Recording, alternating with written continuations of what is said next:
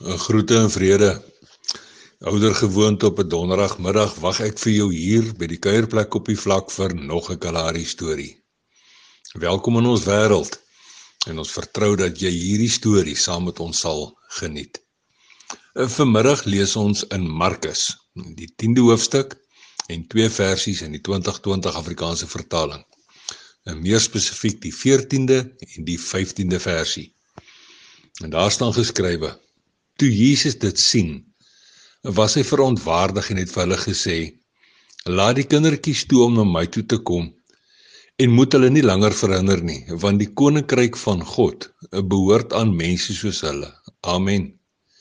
Ek sê vir julle, wie die koninkryk van God nie soos 'n kindjie ontvang nie, sal beslis nie daarin gaan nie. En vanmiddag se storie se naam 'n waterige wyn. Uh, pastoor goed weet mos ek werk by die winkel en by die groendeur waar al die wyne verkoop word. Geen mens, maak nie saak wie hy is nie, moet met die Here se bidolie mors nie.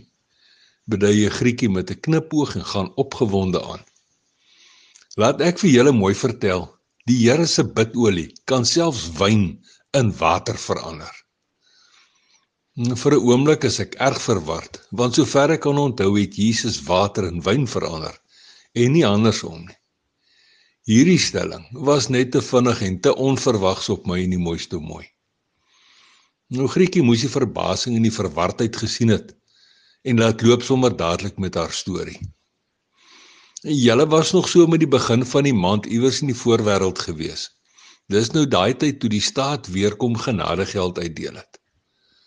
Mevrou weet mos van die genadegeld wat verniet uitgedeel word vir al die lammes, die siekes, en die wat sonder werk is. Dit is dieselfde dag waarop soveel van ons se mense mos uitgelewer is. Die spul wat heel te lief is vir die wyne mors met hulle.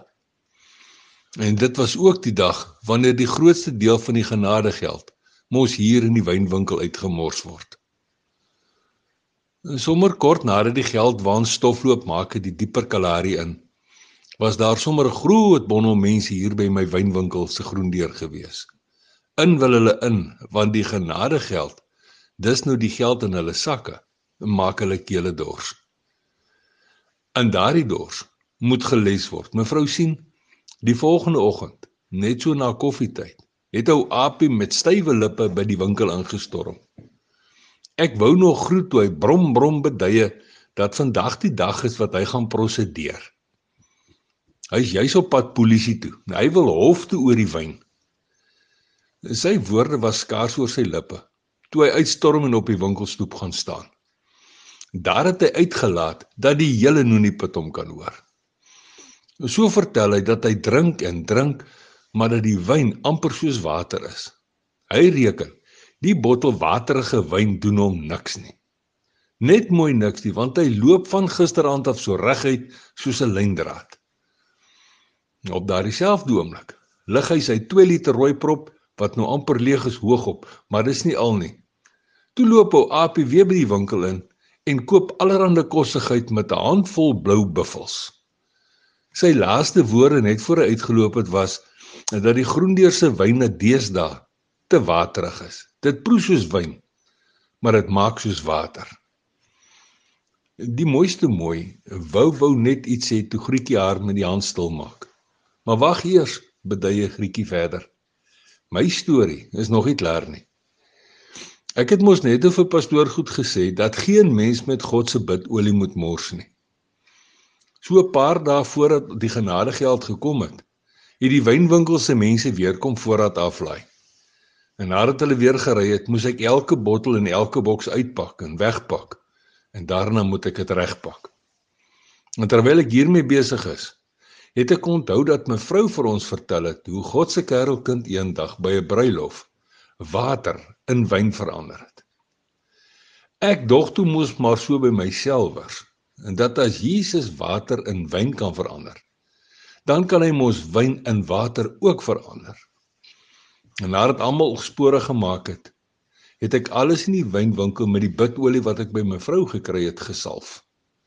En terwyl ek die Here gevra het om die wyne weer soos water te laat werk, het ek 'n klein kruisie met die bidolie op elke liewe bottel in elke wynboks gemaak. En weet mevrou wat? Die kerelkind het gehoor mevrou, want alle wyne was daardie dag waterig. Regtig mevrou, selfs ou AP het gesê sy 2 liter is vol waterige wyn.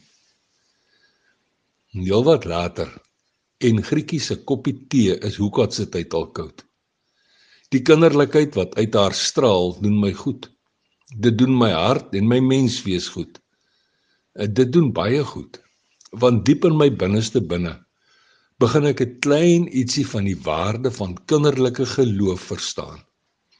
Daardie onwrikbare geloof dat die kerelkind van God enige tyd enige iets kan doen. Selfs as dit beteken om 'n botteltjie soetwyn in water te verander. Nou ja toe. Tot 'n volgende keer. Los mooi spore en sandkorrelbaai seëninge.